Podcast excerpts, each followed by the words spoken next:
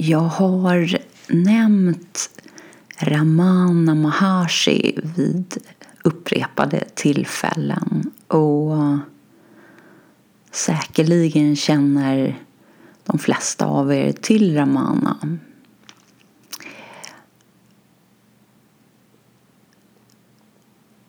Däremot kände jag ändå att han är värd en lite mer ordentlig introduktion.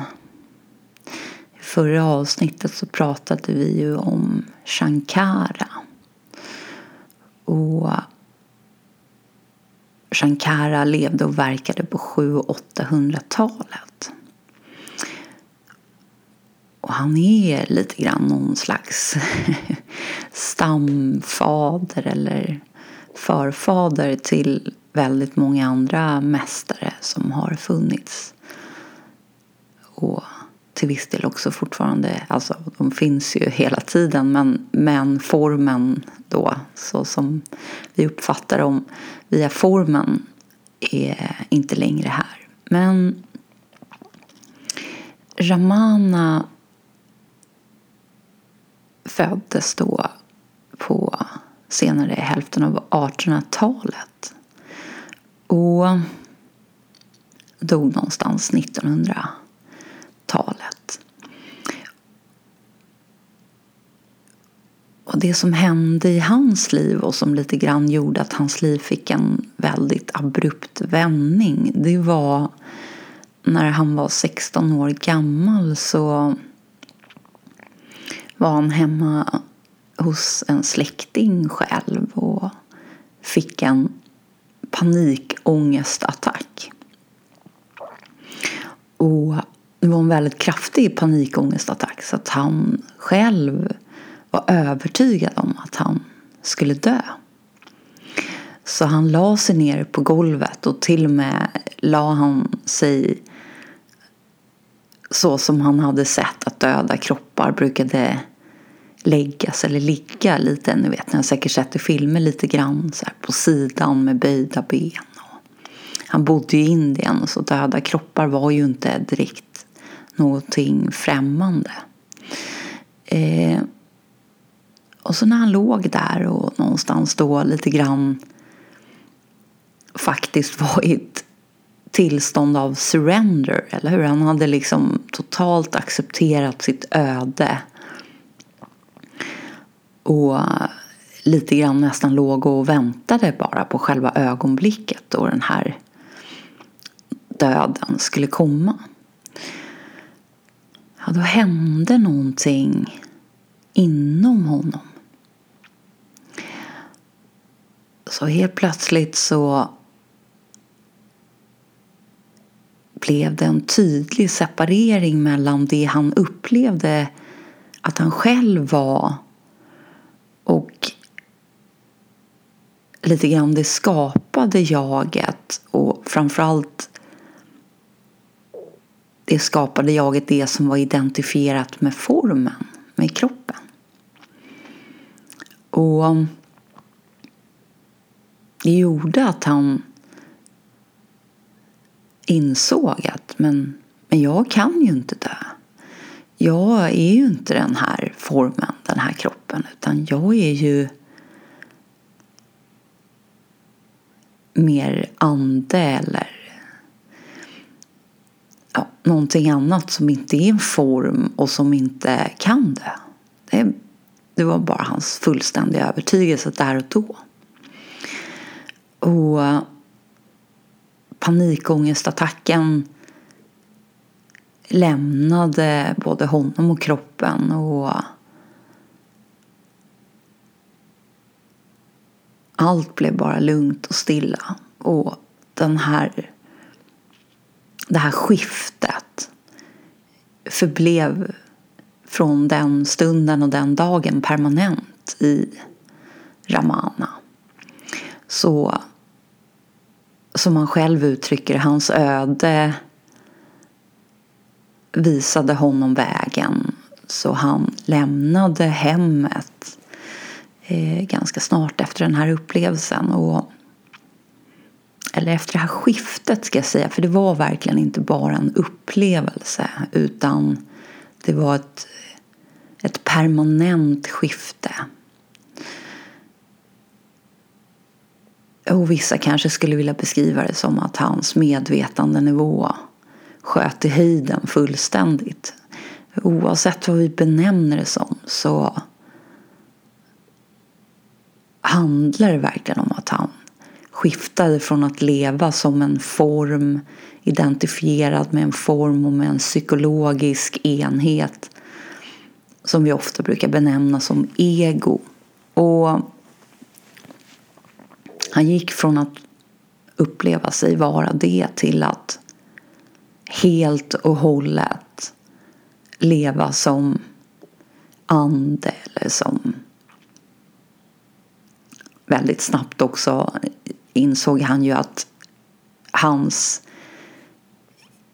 icke-form och hans eh, någonstans natur, sitt varande som ett ingenting också var kopplat till allting. Så men oavsett, han, han upplevdes inte längre som formen och ganska snart efter det här skiftet så drog han iväg eh, till Tiruvannamalai där han höll till i Unarchella, också ett berg som ligger där. Han drog sig undan helt enkelt. Och, och det kan ju tyckas då som att det är det rätta att göra. Ni kanske minns också Nisargadatta Maharaj som efter hans skifte också drog iväg och lämnade familjen och tobaksbutiken. Men så träffade han sin vän som också var en lärjunge till deras gemensamma guru och som någonstans hindrade och hejdade honom och sa att men, men det är väl inte meningen. Och Ramana skulle förmodligen förklara det just som att det var inte hans öde. Men det var mitt öde. Och någonstans i det här också så handlar det ju om att ingenting är separerat ifrån självet. Vilket innebär att oavsett vart självet befinner sig så existerar egentligen bara självet. Så att det här att vi ser en människa som drar sig undan och som drar sig lite grann då bort ifrån livet till avskildhet. Det är inte en sanning som en människa som har permanent skiftat sin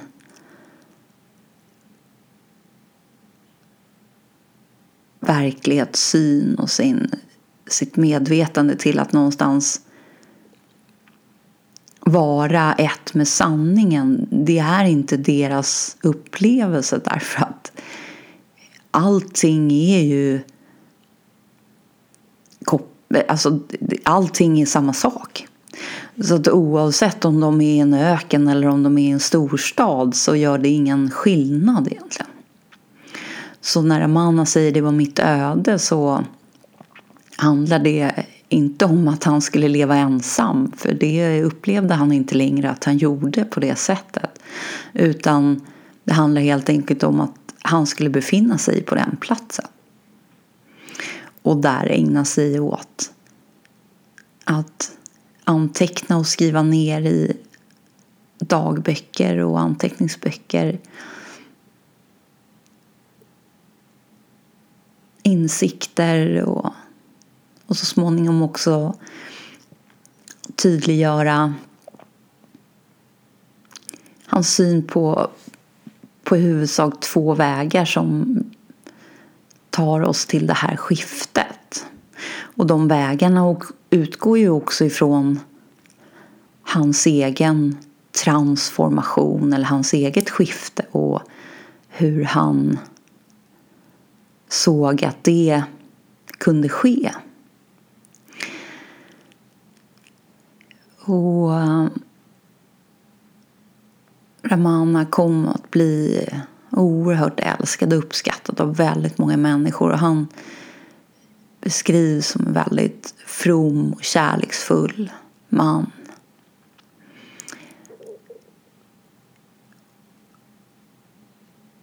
Och de två lite grann vägar, eller vad vi ska kalla det för, som han beskriver och som ni redan vet så är är han extremt tydlig med att det är ingen väg. Vi, vi är egentligen ingen sökare som ska på något sätt komma fram till eller finna sanningen om oss själva. Det är ingen relativ sanning som väntar någonstans runt hörnet utan egentligen så är vi alla redan den sanningen. Allt handlar egentligen bara om att göra sig av med illusionen eller komma, komma förbi vårt tillstånd av ignorans. Som någonstans till slut också handlar om att inse att det finns ingen sanning i ignoransen heller, eller egot, utan det är ingen enhet så som vi har upplevt det och lite grann gjort det till utan egentligen är sanningen det enda som är. Men det tycks en stund som att det ändå är någon slags väg som vi måste gå för att nå dit. Och de vägarna då som han eh, förespråkar och, och någonstans också pekar in mot är, är två direkta vägar. Kan vi nog ana lite grann här efter att jag berättade om vad som hände med honom. Men det ena är ju just det han kallar, som kallas för engelska på surrender, det vill säga att lämna över, lämna tillbaka, och i Ramanas fall så handlar det ju om att det vi lämnar tillbaka egentligen inte är någonting som har tillhört oss utan det är någonting som vi tillfälligt har tagit in som om det skulle vara vårat. Men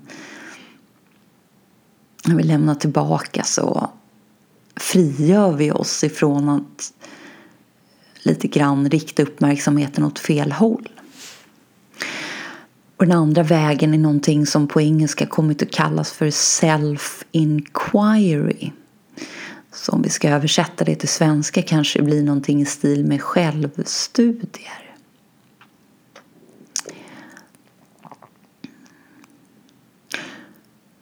Och lite grann kan man väl säga att han inom loppet av ett par sekunder avverkade båda de här två. När han låg där på golvet och hade sköljts över av den här panikångestattacken. Så surrender var då hans första steg där han helt enkelt kapitulerade i sin situation och bara gjorde sig redo för sitt öde. Han lämnade över, han lämnade tillbaka. Han hade ingen invändning mot det som han förväntade sig skulle ske. Och strax därefter så kom inifrån eh, frågan och egentligen svaret nästan momentant. Är jag bara kroppen eller vem är jag egentligen? Var, vem, vart är min rätta position här?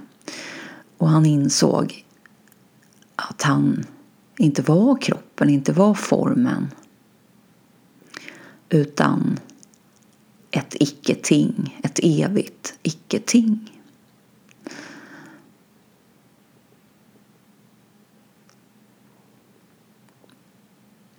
Och just self-inquiry eller självstudie eller någon slags självutfrågning handlar mycket mer om att själva frågan, att ställa frågan snarare än att vara för snabb med att svara. frågan i sig själv menade man är så kraftfull så att den lite grann lösgör oss ifrån identifieringen. Och frågan handlar då om att när den här rösten som vi alla upplever i huvudet talar så ska frågan komma in där någonstans och, och, inom oss och ställas högt eller tyst bara inom oss. Bara vem, vem pratar du med eller vad, vem är mottagare av det som kommer? Och genom att ställa den frågan så riktar vi också uppmärksamheten inåt.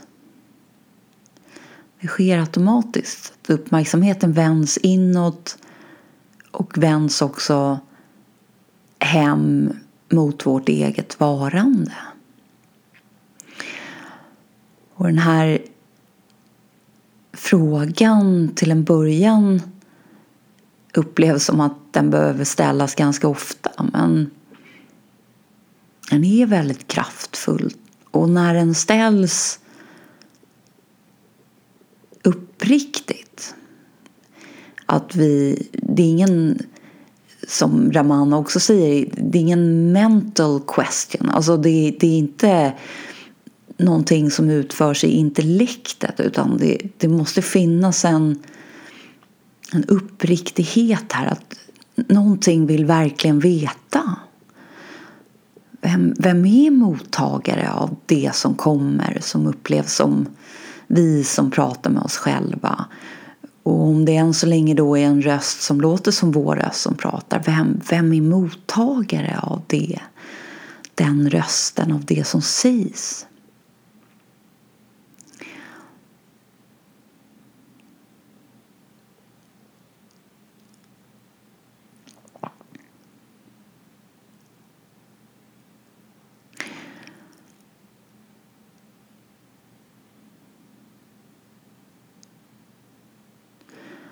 Och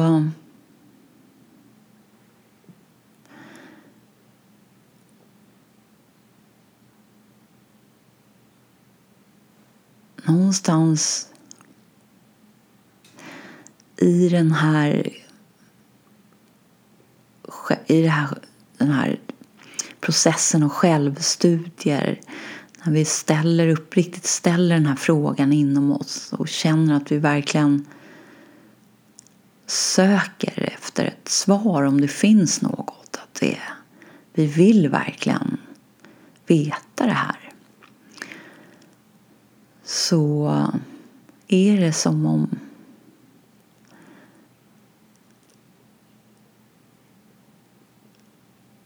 sanningens närvaro är där. Och ni minns kanske, kanske inte Meister Eckhart, den här kristna mystikern som tydliggjorde att det inte vilka övningar eller hur vi tillber och så vidare som är avgörande på något sätt utan det är ju själva sanningens närvaro som avgör huruvida vi lyckas eller inte. Men här finns innerligheten, finns uppriktigheten här så ja, då är sanningen där.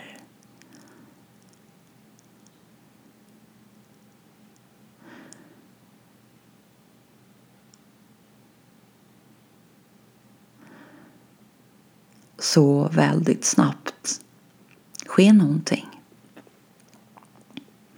Någonting händer, någonting skiftar.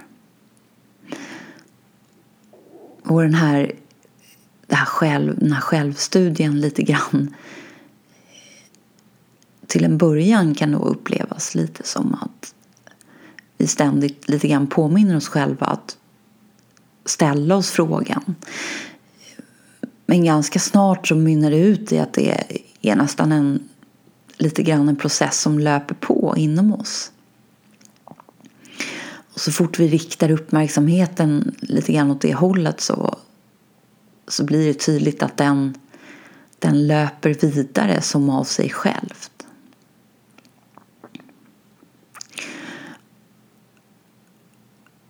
Och det blir automatiskt väldigt snabbt tyst också när den här frågan uppriktigt har ställts. Det är som att, det är som att vi avslöjar någonting genom att ställa frågan uppriktigt. Så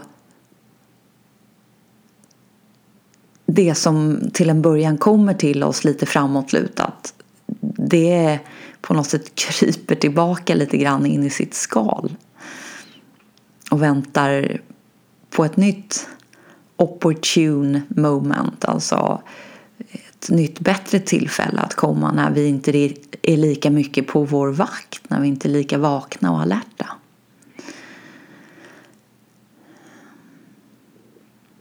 Och det här med opportune moment är också någonting som Morsi brukar använda just när han talar om Jesus och djävulen som han mötte där ute i öknen enligt berättelsen och så spenderade han 40 dagar där och vi kan nog ana att djävulen pratade till Jesus i hans huvud och försökte på alla sätt som tänkas kan påverka honom där. Och så till slut så hade Jesus någonstans genomskådat honom och då backade han tillbaka in i sitt skal och kände att jag kommer tillbaka senare när, när du inte är lika vaken och lika alert. Därför att när vi är det, ja då har den inte riktigt en chans, den där rösten. Den blir väldigt snabbt avslöjad.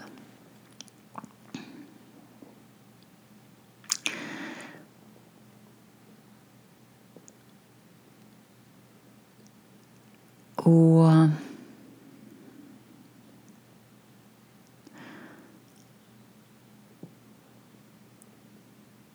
även om det finns, du också lite grann har varit inne på, det finns ju många andra sätt att på något sätt tysta tankarna och på något sätt tillfälligt få dem att eh, uppleva som att de helt och hållet försvinner. Ehm, och det är ju väldigt bra att använda sig av om man har mycket tankar och man upplever att det är, det är för mycket och för rörigt för att lite grann lyckas skapa något slags utrymme mellan den som mottar och, och någonstans allt det som kommer. Så till en början kan det verkligen vara till en stor hjälp för oss. Men eh, till slut för att riktigt komma i mål, för att riktigt få det här skiftet och genombrottet så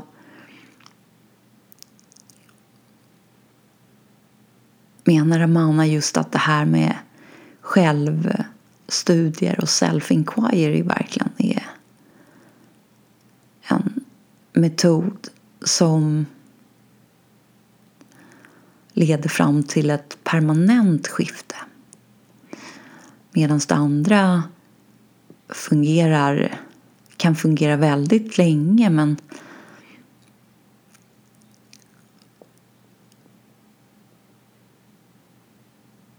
det har ett slut.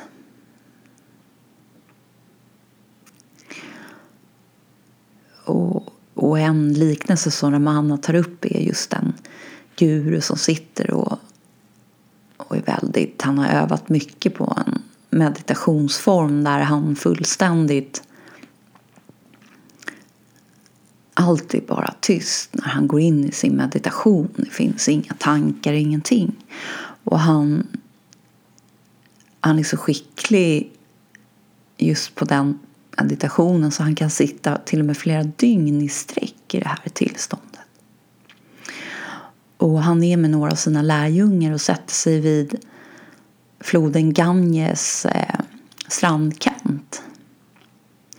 Och strax innan han ska gå in i sitt meditativa tillstånd så ber han en av lärjungarna att hämta lite vatten till honom för han är törstig. Och när lärjungen kommer tillbaka med vattnet så har hans mästare redan gått in i sitt meditationstillstånd så han är inte längre kontaktbar. Och så småningom så kommer den här mästaren som har suttit och mediterat kommer tillbaka till någon slags medvetenhet om världen och om vart han, hans form befinner sig. Och då visar det sig att det har gått några veckor. Eh, men, men den första tanken som kommer till honom är att han behöver dricka vatten. Så någonstans med den liknelsen vill Ramana just visa att även om det blir tyst och även om det varar länge och även om det upplevs där och då som att vi har nått fram, att vi är, det här skiftet har skett så, så på något sätt är det ett ändligt tillstånd. Det blir lite grann en del av det relativa. Och det var inte Ramanas avsikt. Han satsar, han siktar högre än så för oss alla.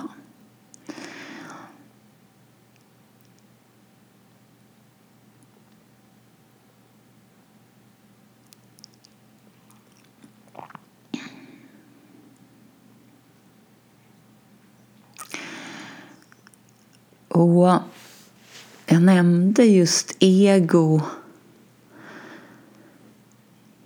och ehm, man kan ju fundera lite grann över vad ego egentligen är.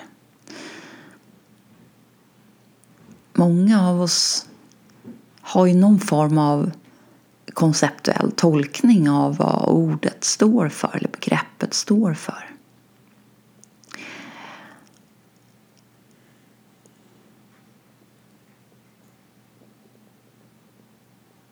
Någonstans har vi ju lite grann tidigare också varit inne på det här att vi som medvetande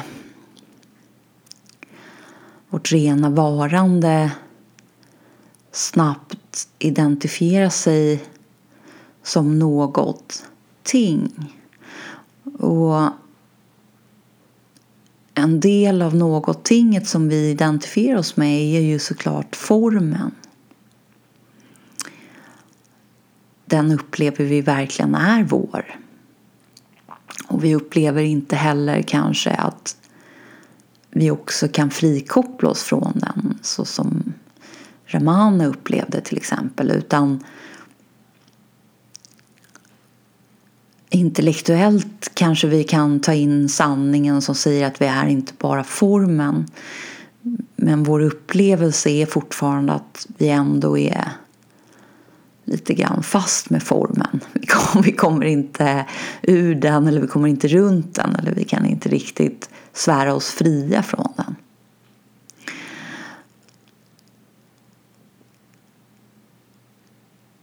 Och så upplever vi då kanske att vi också har något som vi skulle vilja kalla för ett ego som om vi börjar titta lite närmre på det där är ju minnen som någonstans har nästlats ihop till någon slags persons historia. Och även den här rösten, de här tankarna som kommer och som hela tiden verkar tala till en mottagare som vi då snabbt identifierar oss som och som på något sätt bygger vidare på den här lösa tråden av den här personen och den här historien och, och också någon slags personlighet som tenderar att ändras ganska mycket. Och även begär och intressen ändras väldigt mycket.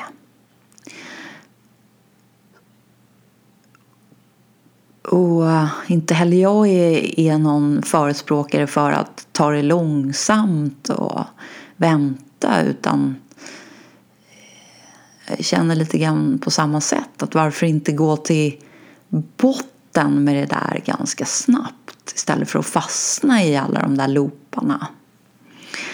Och gå till botten är ju lite grann att se vad, vart och hur uppstår känslan av ett mer personligt jag även på någon slags psykologisk plan. Och det är ju lite grann i samma sekund som identifiering med kroppen, det vill säga den är redan där ofrånkomligt just nu. Vi, vi, vi kommer inte runt den. Och det är ju lite grann roten här. Lite som Maharaj liknade med sin svängdörr om ni minns. När I am går in och identifierar sig och, och så länge identifieringen med formen med kroppen inte riktigt går att komma runt, ja då har vi en identifiering där direkt. Den, den är där. Och i samma sekund som den är där så har vi ju lite grann vänt oss bort från sanningen om oss själva vilket gör att där har vi redan grundat ett, ett ego.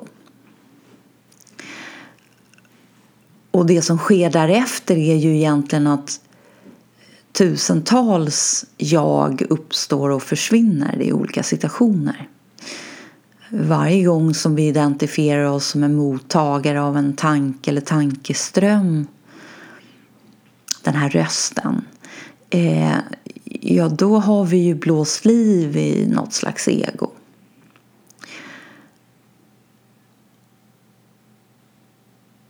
Och det här sker ju lite grann nästan som av sig självt. Det sker så snabbt så att vi, vi är inte riktigt med.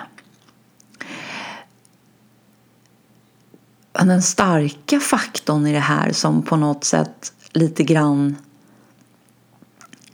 är det som egentligen snarare blåser liv i, i en känsla av ett ego.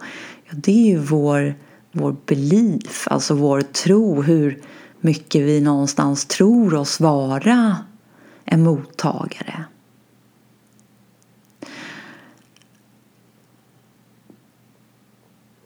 Så jag ska säga att egot är ju inte en enhet utan det är ju verkligen någonting som till synes uppstår och sen någonstans försvinner när det jaget fejdar ut och så byts det ut av ett nytt jag och så håller det på sådär dagarna i ända. Och även lite grann när vi drömmer. Men inte i djupsömn, vilket vi var inne på igår när vi tittade närmare på vad Shankara använde för ja, lite grann vad han använde för liknelser eller vad han ville göra oss mer medvetna om just när han talade om de här olika tillstånden och pekade oss in mot någonting som inte tillhörde ett tillstånd bara utan någonting som fanns där hela tiden. Bortom tillstånden.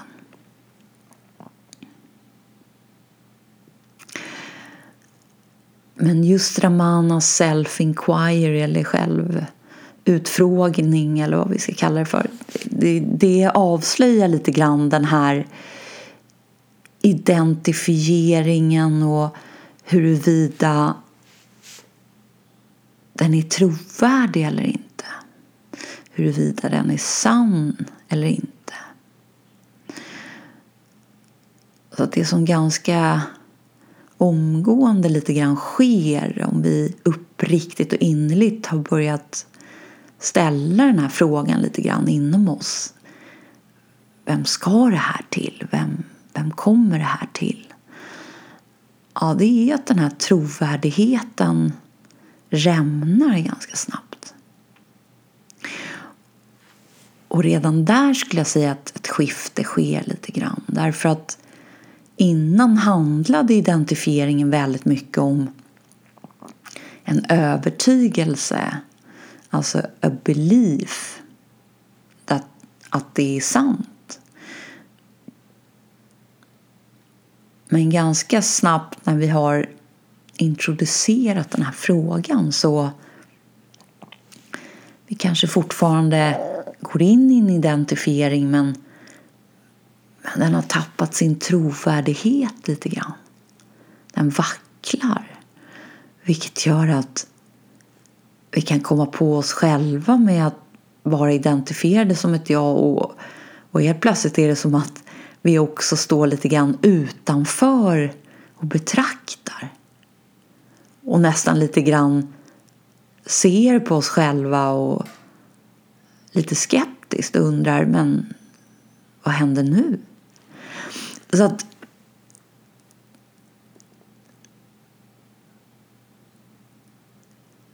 Även om det kan upplevas som att den här processen tar en viss tid så ska jag säga att redan från början så händer någonting. Ganska omgående så sker någonting där som just handlar om att trovärdigheten minskar. Vilket också gör att vår, vår övertygelse om det som tidigare har känts sant också minskar eller backar eller avtar. Och efter ett tag så upplever vi kanske lite grann att vi, vi står där och, och vet nästan ingenting längre. Vad, vad som är sant och inte. Och, och vem är jag? Och, och när någonting uppstår så känns det här tidigare så självklara jaget helt plötsligt inte alls lika sant. Och när vi använder jag, när vi pratar så känns det nästan lite någon slags svag illamående känsla i magen därför att vi känner att vi vet inte alls vem, vem som är avsändaren längre. Det, det, så, men på något sätt är det lite som när vi blir magsjuka så behöver rensas ut och vi kanske inte behöver stå och finstudera det som kommer ut för det kanske vi kan låta vara och konstatera att nu är det ute lite grann. Eh, och, och den här magsjukan är ju en rejäl genomkörare ofta men, men när vi väl har överlevt den så känner vi oss ändå lite renare och lite utrensad. Eh, och det är lite på samma sätt här att, att inte fastna här heller i i den här lite grann avgiftningsprocessen. Utan låta den löpa på och någonstans vara med och i frågeställningen istället. Det, det är lite mer där vi ska hålla oss faktiskt.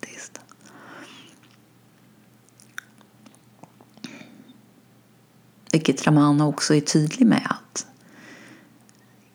keep quiet, var med frågan det ska inte komma ett intellektuellt svar här som säger ja men jag är, det är inte det det handlar om utan det är att ställa frågan uppriktigt och, och hålla kvar och hålla fast vid frågan och låta det andra lite grann blåsas ut eller storma förbi.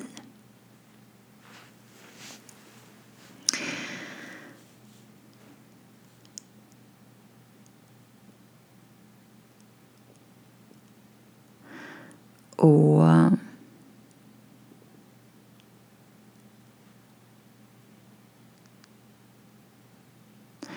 som vi varit inne på också så just när det gäller Buddha hans lära ser ju lite annorlunda ut kan det tyckas. Men den fråga som ändå vaknade till liv inom honom och som drev honom lite grann i mål var ju just vem är jag?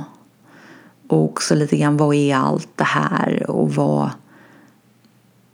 vad är syftet med allt det här? Är det det jag ser att vi föds och vi lever och vi drabbas av en massa lidande och så dör vi? Är det det som är poängen eller finns det någon djupare sanning här? Så att just frågan lite grann vem är jag blev lite grann också det slutgiltiga och det som drev honom lite grann i mål. Sen ingår det flera steg och flera komponenter i just den åttafaldiga vägen och det handlar ju också eh, någonstans om att rena det vi kallar för sinnet, alla tankar och tankeströmmar som kommer och så att vi på något sätt kan inleda den här lite grann self-inquiry så upplever vi att det är så, så mycket så att vi inte riktigt kommer igenom ordentligt, ja då finns det som sagt väldigt mycket olika metoder eller vad man nu ska kalla det för som man kan ta till för att det ska lugna sig lite i huvudet. Men jag ska ändå säga att just självutfrågning eller självrannsakan eller snarare självstudie på det här sättet är oerhört kraftfullt och direkt. Det är en oerhört direkt väg till oss själva. För det är vi som är målet. Så allt handlar väl lite grann om de här four perfections. Är vi, hur långt ser vi oss ha kommit där? Är det urgent? Ja, men då då kommer det här att funka. Och jag skulle ändå säga också att det här med self-inquiry indirekt påverkar oss på samma sätt som att rikta vår uppmärksamhet hemåt därför att det är det som sker. När vi ställer den här frågan uppriktigt och innerligt så riktas verkligen vår uppmärksamhet från det yttre, det relativa. Det som till en början känns högljutt och som lockar och drar åt ett helt annat håll. Så instruktionerna som Maharaj, Nisargadatta Maharaj fick av sin guru Maharaj är snarlika. Även om Ramana uttrycker sig lite annorlunda så pekar de väldigt mycket åt samma håll. Och även Jesus som vi har varit inne på också att vända vår uppmärksamhet, rikta vår uppmärksamhet inåt, djupare.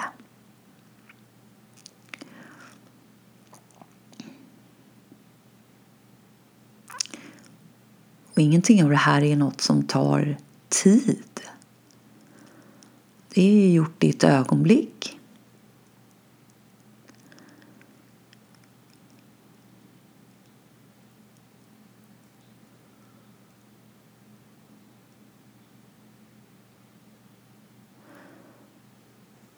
Så någonstans vilar sanningen där inom oss hela tiden. Och allt handlar egentligen om vart vi befinner oss med vår uppmärksamhet.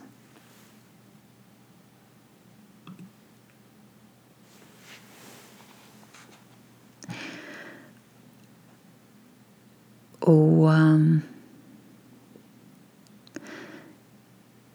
i en av de böcker som har getts ut som heter The Teachings of Ramana Maharshi in his own words. Och den här är då sammanställd och editerad av Arthur Osborne, så inte David Godman i det här fallet. Eh, och boken även här då bygger på någon slags anteckningar från dialoger som har ägt rum mellan sökare som har kommit och besökt Ramana och ställt frågor och, och sen hur Ramana har svarat och väglett dem. Och eh,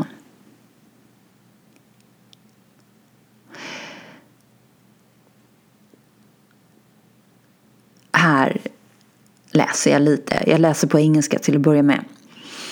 Ramana säger då så här. Everybody seeks only what brings him happiness.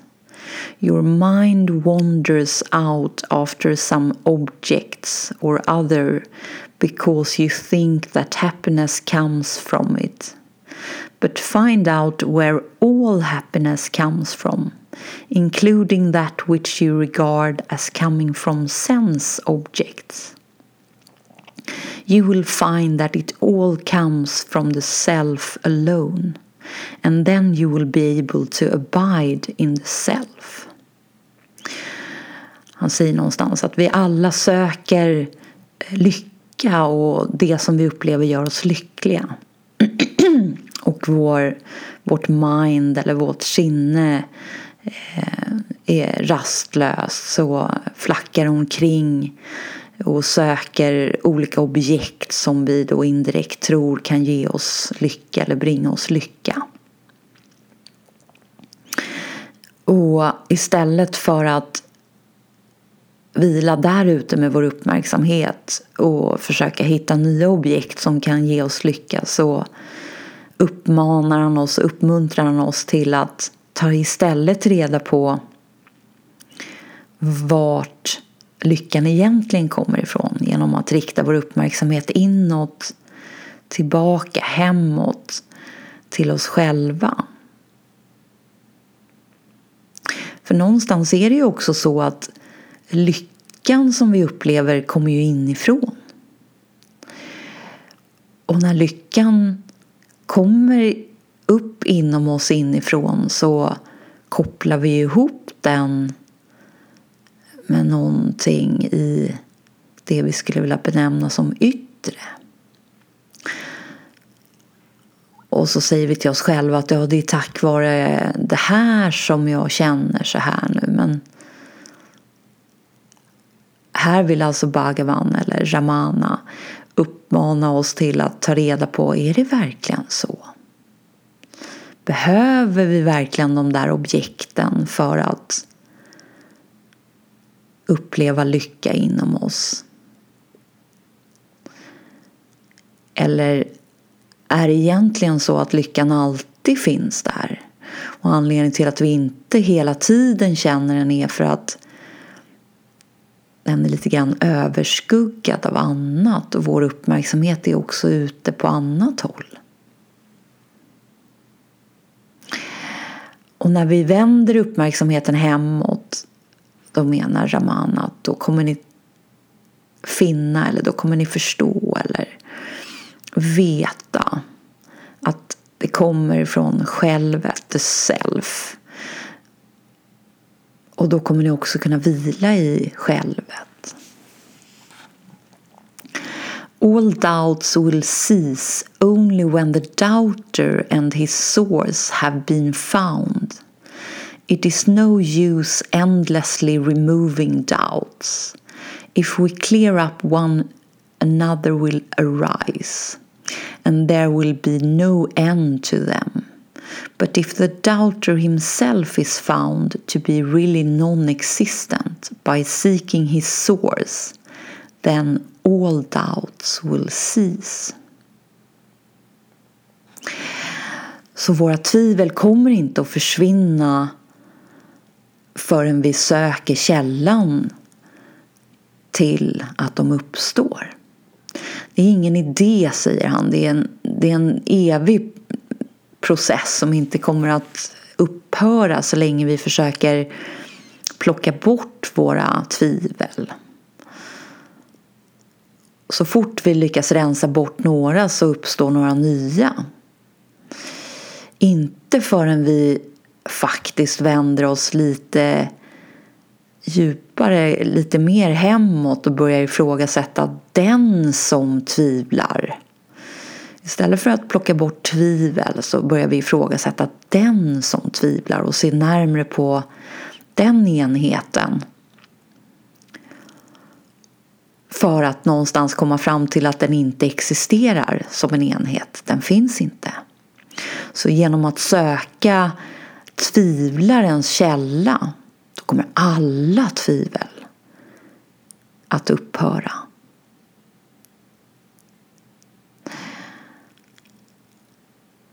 Och sen säger han också Concentration is not thinking of one thing.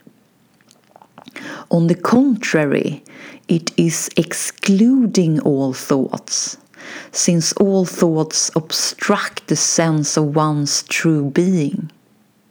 All efforts are to be directed simply to removing the veil of ignorance. Så koncentration handlar inte ens om att bara tänka på en sak. Det kan vara en hjälp för att tysta eller lugna tankeflödet som vi var inne på tidigare och lite också det som Buddha har med på sin väg. Att någonstans nå ett tillstånd där tankarna har lugnat ner sig lite grann. Men här pratar vi om the end of the road, alltså att verkligen komma i mål nu. Och då är inte längre koncentration att bara tänka på en enda sak. Det är faktiskt motsatsen, säger han. Det handlar om att inte släppa in några tankar. Och det är det vi också kallar lite grann för det här gå inte in i tankarna. Att de är där, låt dem vara där men vidrör dem inte. Och ni vet, jag har sagt, då vet inte jag om tankarna försvinner eller inte men för mig är de inte längre där. De kanske är där men det är ingenting som jag är medveten om därför att mitt fokus, min uppmärksamhet inte är riktad åt det hållet längre.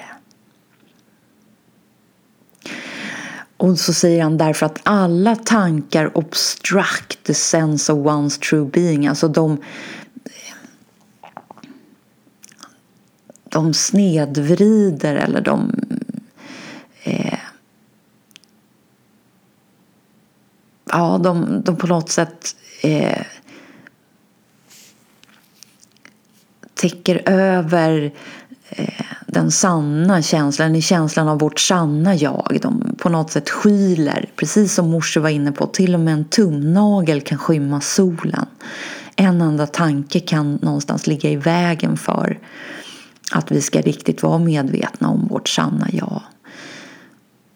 Så alla efforts, alla ansträngningar ska därför riktas endast mot hemåt alltså för att på något sätt täcka av eller bli av med den här slöjan av ignorans. Och det är ju när han använder ordet vila, alltså slöja, så är det för att ignorans egentligen inte riktigt existerar för Ramana. Och ni minns de här tio ignoranta eh, tokarna eller männen som trodde att de bara var nio när de hade simmat över floden. Det, den liknelsen visar ju också att de var ju tio hela tiden men på grund av att de inte förstod att de var det så blev de ledsna och sörjde att en var förlorad. Och sen gladdes de som om en hade plötsligt återfunnits. Så att ignoransen handlar ju verkligen om att vi, vi lever i, i en lite grann en illusion eller we are deluded. Vi är liksom på villovägar. Vi har i någon slags villolära. Concentrating the mind solely on the self will lead to happiness or bliss.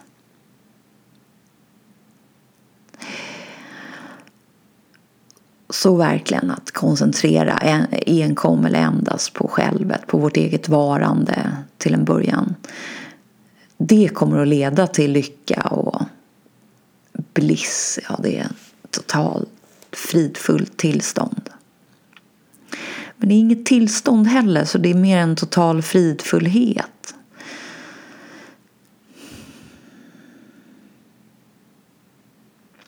Drawing in the thoughts, restraining them and preventing them from straying outwards is called detachment. Så att på något sätt kalla hem tankarna och lite grann se till så att de inte uppstår. Och på något sätt upplevs som om de kommer utifrån. Det kallas för detachment, så att alltså att koppla sig fri. Här pratar vi om de slutgiltiga kopplingarna till världen lite grann. Att verkligen kalla hem tankarna genom att koncentrera all vår uppmärksamhet i vårt varande hemåt gör verkligen att vi kallar hem också tankarna.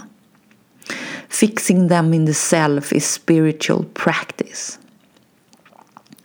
Så att på något sätt vi förblir med vår uppmärksamhet hemma. Vilket då gör att tankarna också på något sätt till slut stannar där. De, de uppstår inte eh, som något relativt som kommer. Och concentrating on the heart is the same as concentrating on the self. Och ni minns också Jesus som pratar om vårt hjärta. Det här är ju lite samma sak här. Att hjärtat och vårt innersta varande är samma. Och Jesus säger också himmelriket is in your midst, liksom i vårt centrum någonstans. Så att här pekar de också oss in åt samma håll egentligen. Heart is another name for self, säger Amana.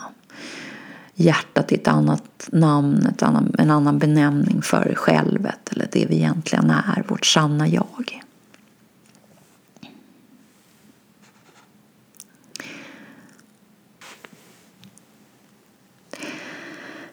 Och Ramana brukar ibland, eller brukade ibland använda ett bibelcitat just för att lite grann sammanfatta vad allting handlar om. Och det är just Be still and know that I am God. Så någonstans den här Be still ser han som det är det som är metoden. Förbli stilla, förbli tyst, förbli den som betraktar någonstans. Och vet att i varandet vilar Gud. Varandet är Gud.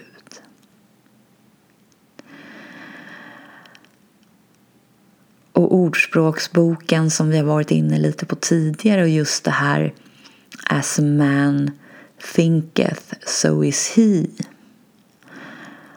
Och strax därefter så säger Ordspråksboken så här. Above all else guard your heart for everything you do flows from it. Så det högsta är att vakta vårt hjärta. Därför att allting springer ur det.